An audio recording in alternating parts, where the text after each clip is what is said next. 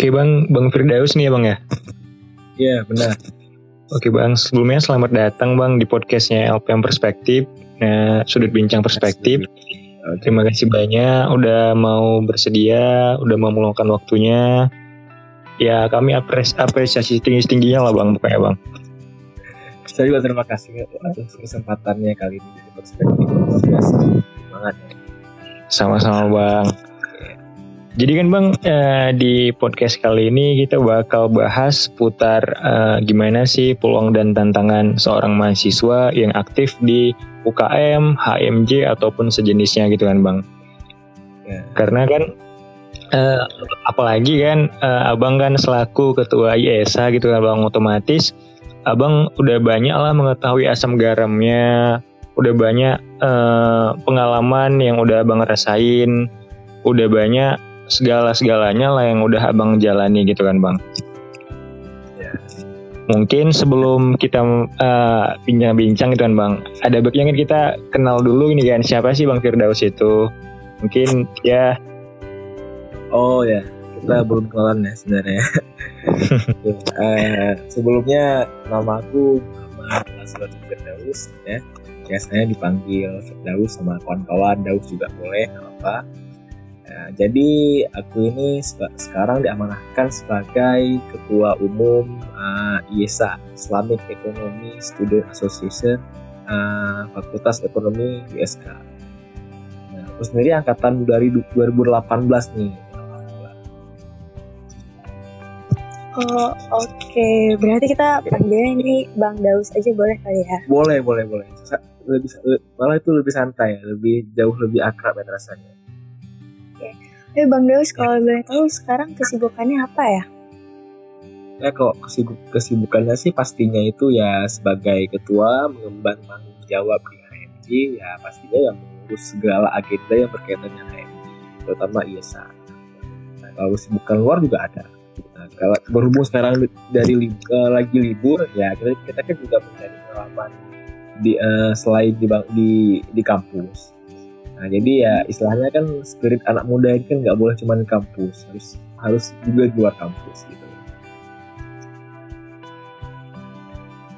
Oh oke, kalau boleh tahu yang di luar kampus Bang Daus sekarang lagi aktif apa ya? Ya, pastinya kalau di usia sekarang ya harus aktif dalam uh, mencari passive income dan juga aktif income kalau bisa. Nah, karena lagi libur ya apa yang bisa kita kerjain ya kita kerjain ya. Alhamdulillah kemarin uh, udah mencoba ke segala ini alhamdulillah Uh, udah mencoba di bidang peternakan, pertanian, uh, bahkan uh, sebagai IU juga udah pernah alhamdulillah. Ya, jadi gitulah sekarang cuman yang baru saya yang baru selesai di pertanian kemarin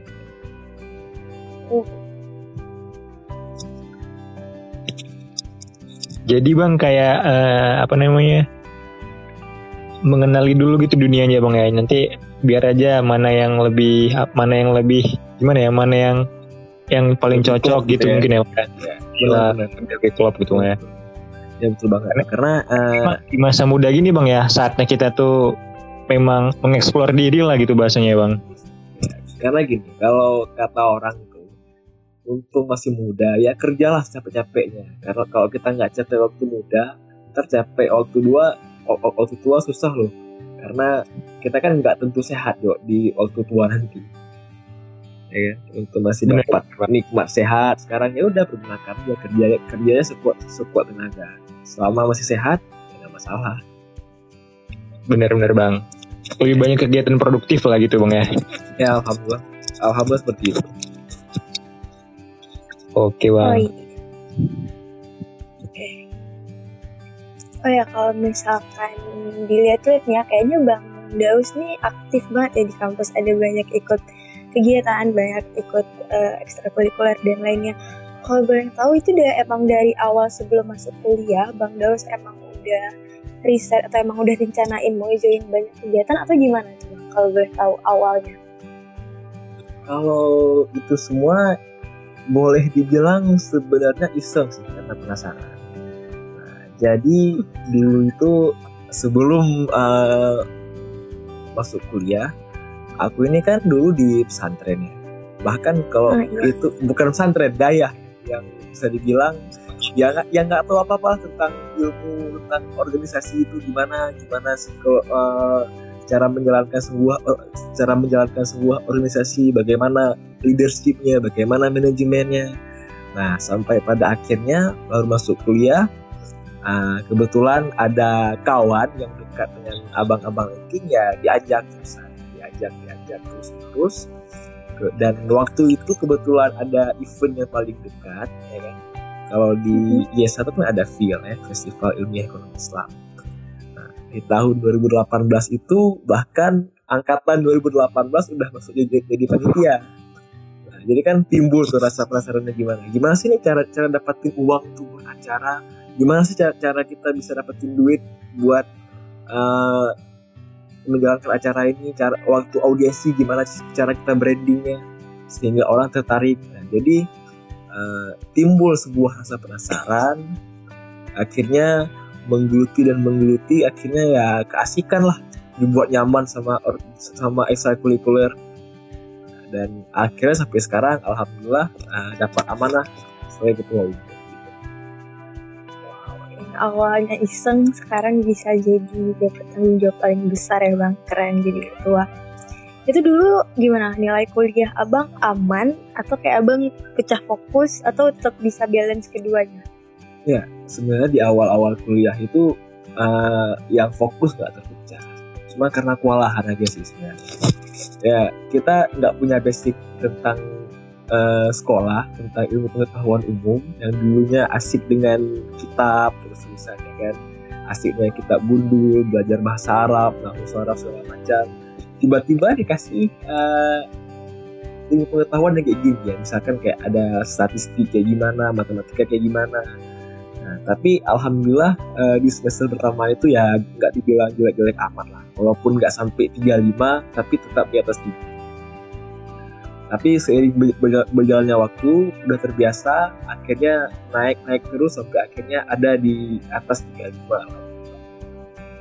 wow keren sih bang berarti bisa balance. Itu tantangan awal tantangan beratnya ada nggak sih bang? Selama pas memilih untuk kan itu awal jadi panitia aja.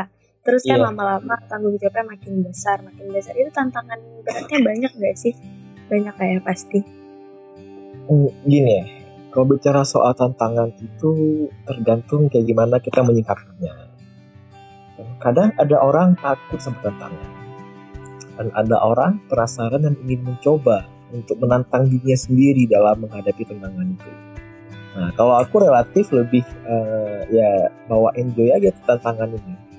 Istilahnya kan di situ kita belajar gimana cara eh, memanage waktu kita eh, supaya nggak ada yang yang yang terbuang sia-sia. Jadi berapa eh, sisihkan sedikit untuk belajar, sisihkan sedikit untuk kuliah, sisihkan sedikit untuk eh, ke ekstrakurikuler dan bahkan eh, bisa kita eh, sisihkan sedikit untuk bekerja, mencari eh, passive income sampingan lah kalau kalau. Nah, jadi eh, istilahnya nggak ada yang terbuang sia-sia. Dari pagi sampai sore itu kita untuk benar-benar full eh, dalam kegiatan yang produktif. Baru deh malamnya kita istirahat. Oke kalau dia masih penasaran nih soalnya kan dia anak angkatan 2020 ya angkatan corona. Jadi dia tuh belum ngerasain rasanya fight fight jadi panitia aktif di kampus segala macam karena kan semuanya online. Terus ada perubahan besar gak sih bang yang terjadi kalau kemarin abang atur semuanya secara offline sama yang sekarang kayak tiba-tiba harus jadi online gitu Ya, pastinya itu di awal-awal terasa kita butuh waktu sedikit untuk transisi dari satu eh, dari satu kebiasaan ke kebiasaan yang lain.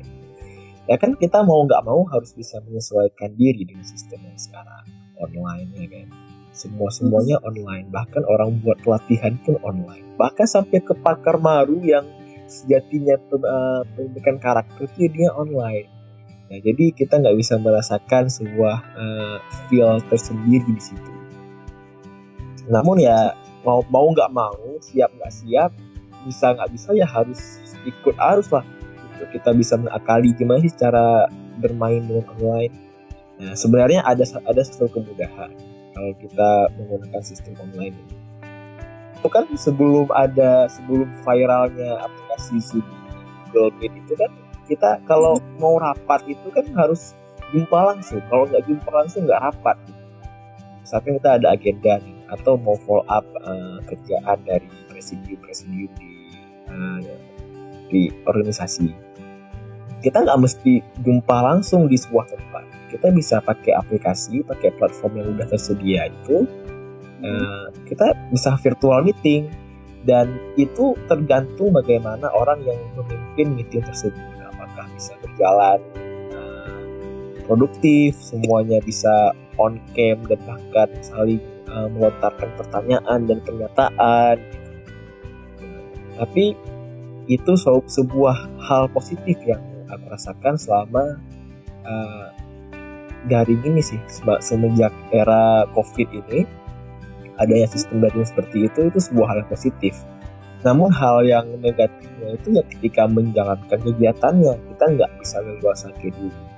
Nah, misalkan ya harus uh, dibatas-batasi lah pesertanya nggak boleh buat secara langsung harus secara virtual. Bahkan yang uh, sebuah kegiatan yang pada sejatinya kita harus laksanakan secara tetap muka tapi akhirnya beralih ke online. Nah, cuman itu hanya perlu adaptasi saja menurut aku. Gitu sih kurang lebihnya kalau soal transisi dari uh, tetap muka ke online. Mungkin nanti uh, Tia bisa lah rasainnya ketika uh, keadaan sudah mulai normal insya Allah bisa. Kita bakal dapat kok sedikit sedikit feelnya. Tapi kalau bisa ya diakalin dikit lah walaupun lagi kayak gini kan. eh, nggak usah terlalu idealis dengan sistem kita curi-curi waktu dikit buat uh, kegiatan yang bisa langsung gitu kan nah, oh, mungkin nanti iya. kawan-kawan pandi lah kayak gitu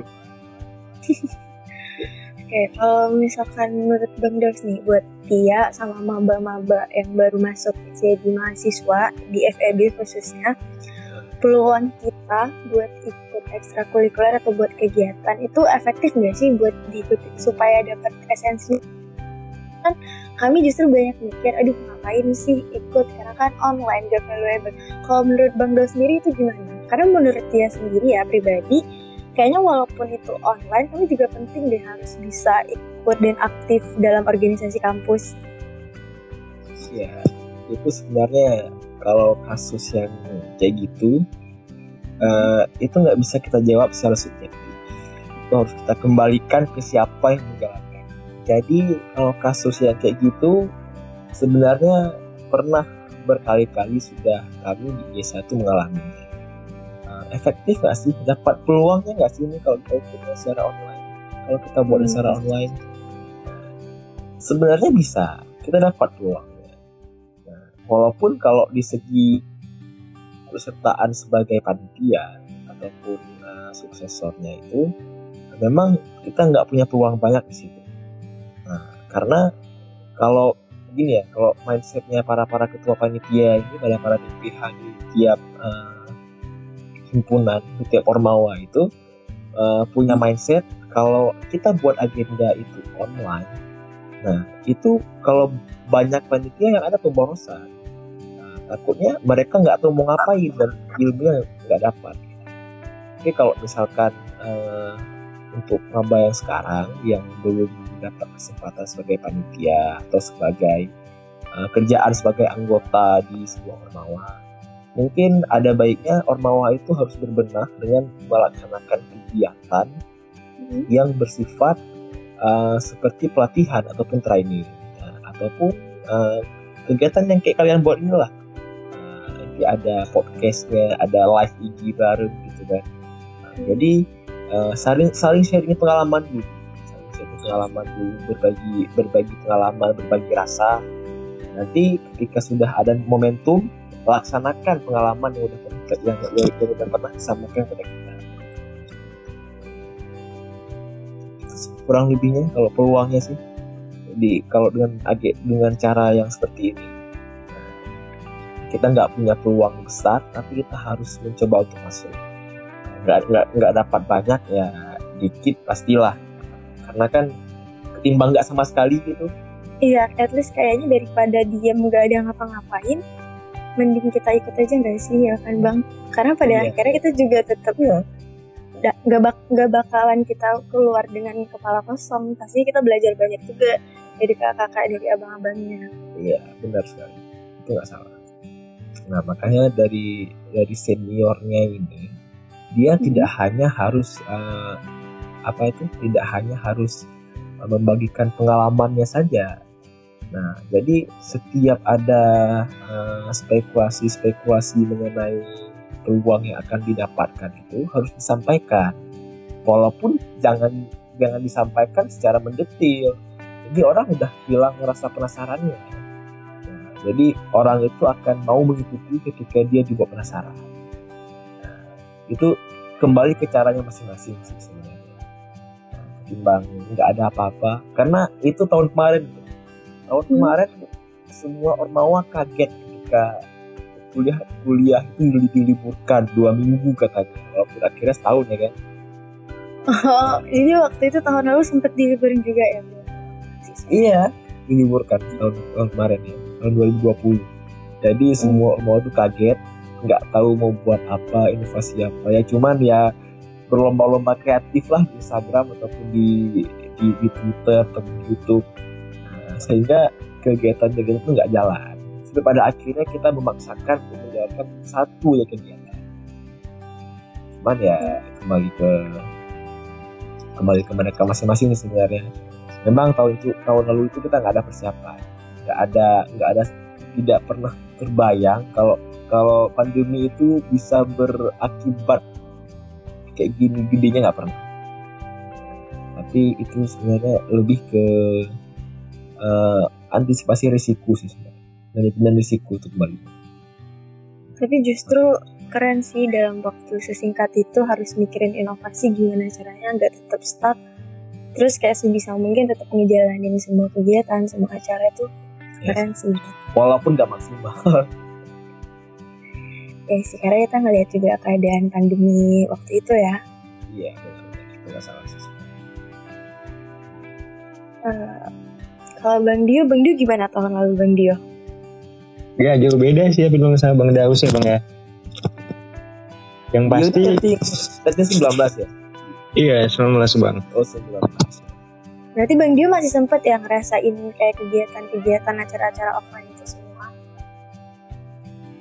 Iya walaupun nggak lama sempat lah kan Bang.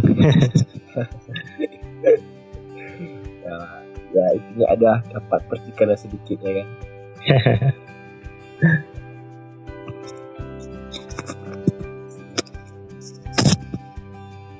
Oke. Jujur nggak sabar sih. Iya pengen ngerasain itu semua. Karena kalau misalkan dengerin ceritanya, kayak cerita kakak-kakaknya, cerita abang-abangnya semuanya itu jadi kayak berasa pengen banget sih jujur. Karena kayak capek juga ya jenuh juga kami cuma di depan laptop aja udah hampir 2 tahun. Ya, sebenarnya. itu kita ada tantangan satu lagi sebenarnya. Dari itu semua sebenarnya tantangan yang terbesar itu ialah eh, dengan eh, apa tuh namanya? Hmm, dari pemangku kebijakan yang di atas kita. Itu ada ada sedikit sedikit kaitannya. Di mana kita itu terlalu ditakut-takuti dengan hal-hal yang misalkan kalau kalian buat agenda ini nanti diskorsing gitu ya kan. Nah, cuman ya si- siapa sih yang nggak takut kalau udah ada namanya skorsing? Ya kan dua semester lumayan itu SPP ya kan. Iya. Ketinggalan mata kuliah. Nah, tapi itu semua sebenarnya eh, ada life hacknya. Cuman nggak nggak menjamin berhasil atau enggak.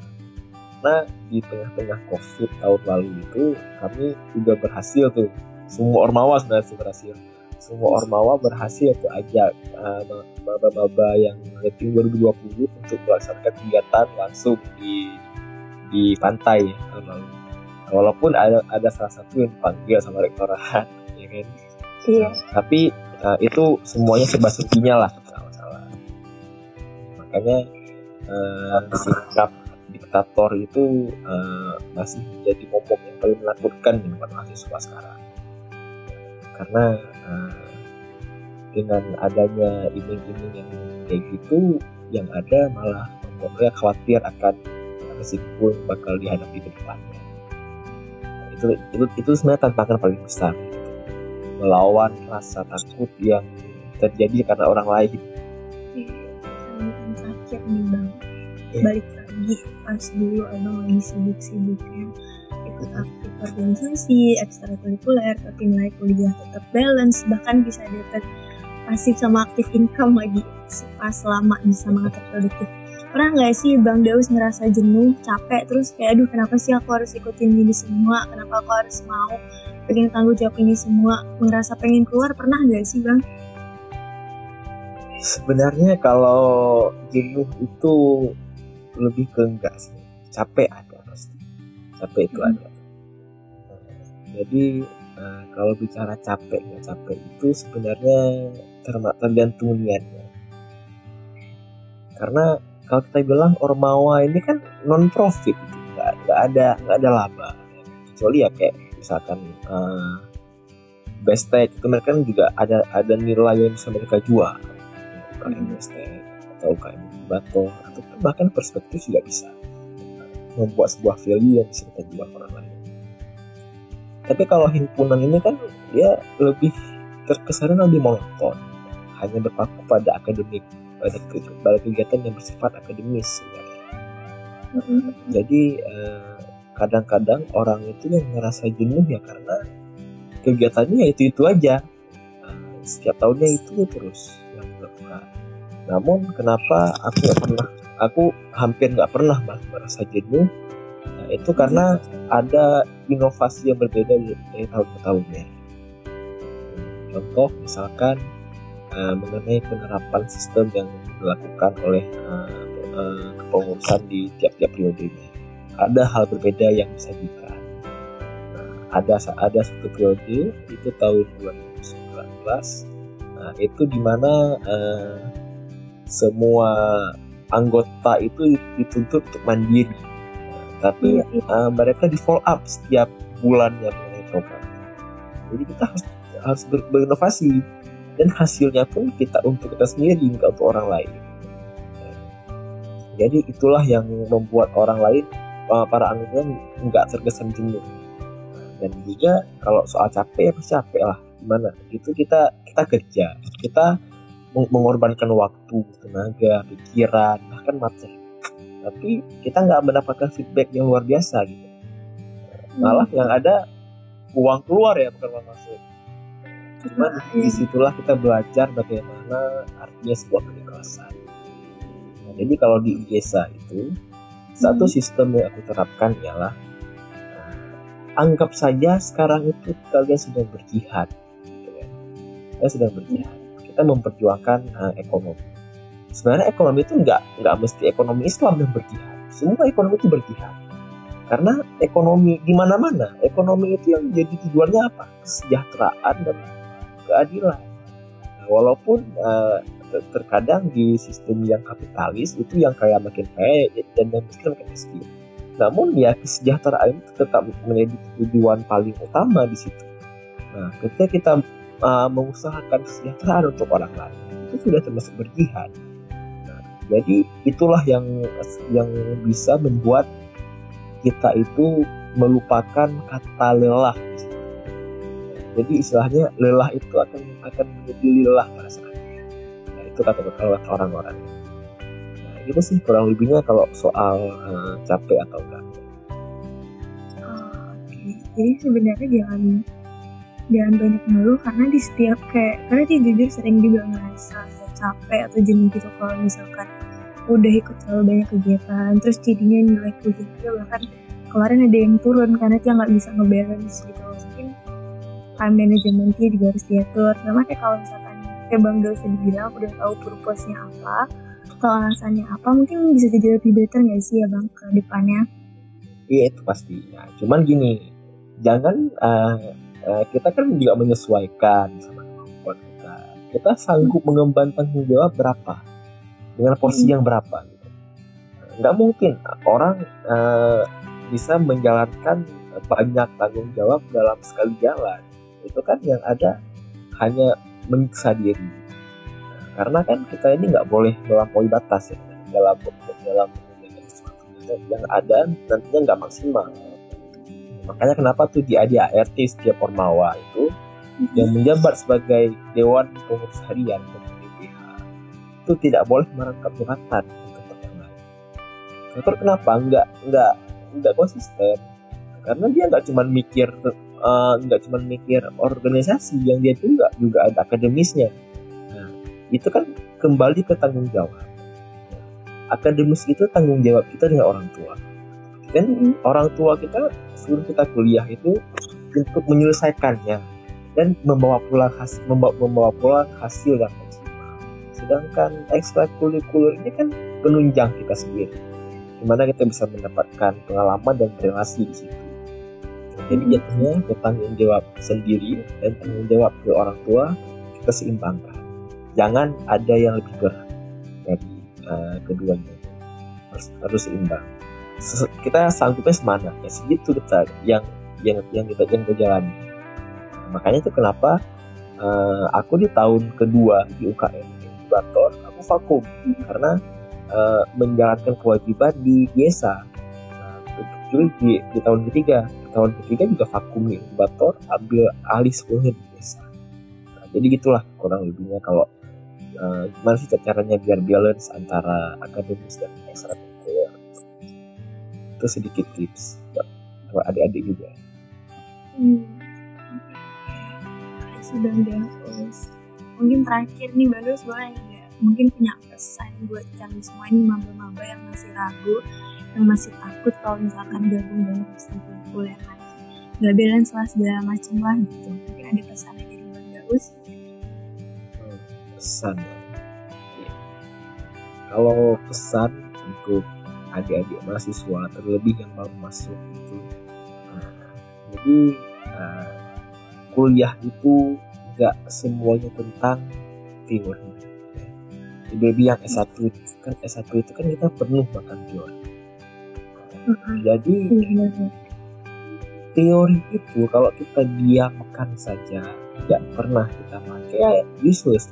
Jadi kita punya kita punya motor kita punya mobil kita nggak pernah pakai mobil itu bahkan ketika hujan kita nggak pakai mobil pas pas keluar rumah ya kan jadinya useless itu mobilnya juga gimana akademis dan ekstrakurikuler nah, kita di bangku perkuliahan mendapat banyak sekali teori dari dosen-dosen kita.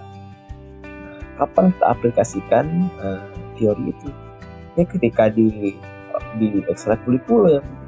Bahkan di ekstrakurikuler ini ada uh, ada hal yang kita dapat uh, tanpa perlu pada teori yang kita pelajari dalam kelas.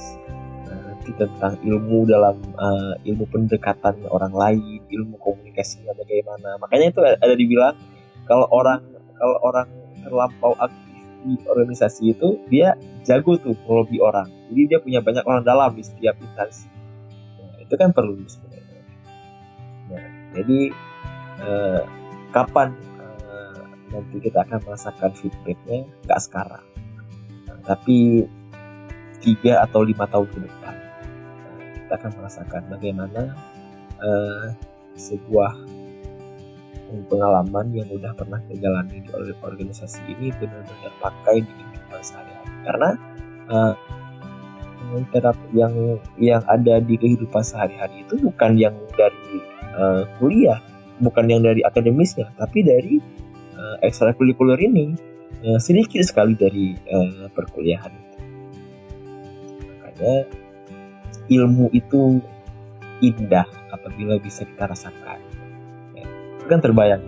Gimana kalau kita kalau kita dapat terus kita bisa rasakan. Dibanding kita cuma dapat ya kayak jadi kayak dongeng doang gitu kayak orang cerita uh, kalau aku punya rumah se seluas satu hektar misalkan. Ya kan cuma dia bilang-bilang doang tapi dia nggak punya. Misalkan nih contoh mungkin mau mohon maaf nih kalau ada kalau kalian uh, mahasiswa akuntansi hitung-hitung nih uang 5 triliun ya kan? Tapi kita nggak punya uangnya gitu. kan basi nanti ketika udah terjun ke uh, ekstrakurikuler kita ada peluang bisa mendapatkan apa yang pernah kita ceritakan dulu gitu. nah jadi nggak cuma ngomong-ngomong doang kita udah pernah merasakan walaupun nggak sekarang tapi nanti lima tahun ke depan tujuh tahun ke depan sepuluh tahun ke depan itu semua akan ada hikmah. Gitu sih kalau dari pengalaman yang terdapat di organisasi. Bahkan warna-warninya ini uh, menarik nih untuk untuk kita ikuti. Uh, bahkan aku sendiri uh, pernah itu karena saking nyamannya bermain dengan eksternal di relasi aku pernah dituduh kalau aku itu berpolitik. Itu asik itu lucu sih sebenarnya. Karena uh, kan nggak boleh membawa politik uh, ke kampus politik luar nih bukan politik kampus. Uh, tapi ketika kita butuh kerjasama dengan orang-orang yang ada kesehatan politik dan dan dilihat oleh orang lain kan muncul terus uh, sentimen-sentimen aneh. Oh dia ini orangnya biru nih. Dia orangnya kuning. Nah, mungkin aku cuma sebut inisialnya aja ya gak langsung uh, sebut apa gitu ya. Oh oke oke oke. Boleh boleh boleh. Jadi itu asik sebenarnya ketika kita bisa menyelesaikan uh, bisa keluar dari masalah itu bagaimana. Ketika kita bisa menjaga dua hubungan baik bagaimana dengan mereka uh, terjalin di kampus aman ya kan? Nah itu semua seninya sih jadi gimana sih caranya? Makanya masuk aja gitu kita juga akan tahu gimana caranya. Kalau kita kan tidak keasik lagi. Organisasinya kan? Ya, maksudnya udah iya. nggak penasaran lagi gitu. ini kayaknya nggak kerasa udah setengah jam lebih kita ngobrol-ngobrol sama Bang Firdaus sama Bang Daus. Bang Daus dia mau bilang makasih banget udah mau ngeluangin waktunya buat ngobrol-ngobrol sama kita mungkin buat podcast kali ini segini dulu kali ya. Mungkin kalau misalkan teman-teman tertarik buat nanya-nanya lagi ke Bang Daus boleh hubungin Bang Daus via DM Instagram boleh. Ini kayaknya soal Bang Dausnya juga udah keputus. Mungkin buat podcast kali ini kita sampai sini dulu. Kalau misalkan ada pertanyaan lebih lanjut tentang kuliah tentang organisasi segala macamnya teman-teman boleh banget buat coba uh, hit Bang Daus melalui dari Instagram. Dia mau bilang makasih Bang Daus, makasih Bang Dio buat hari ini.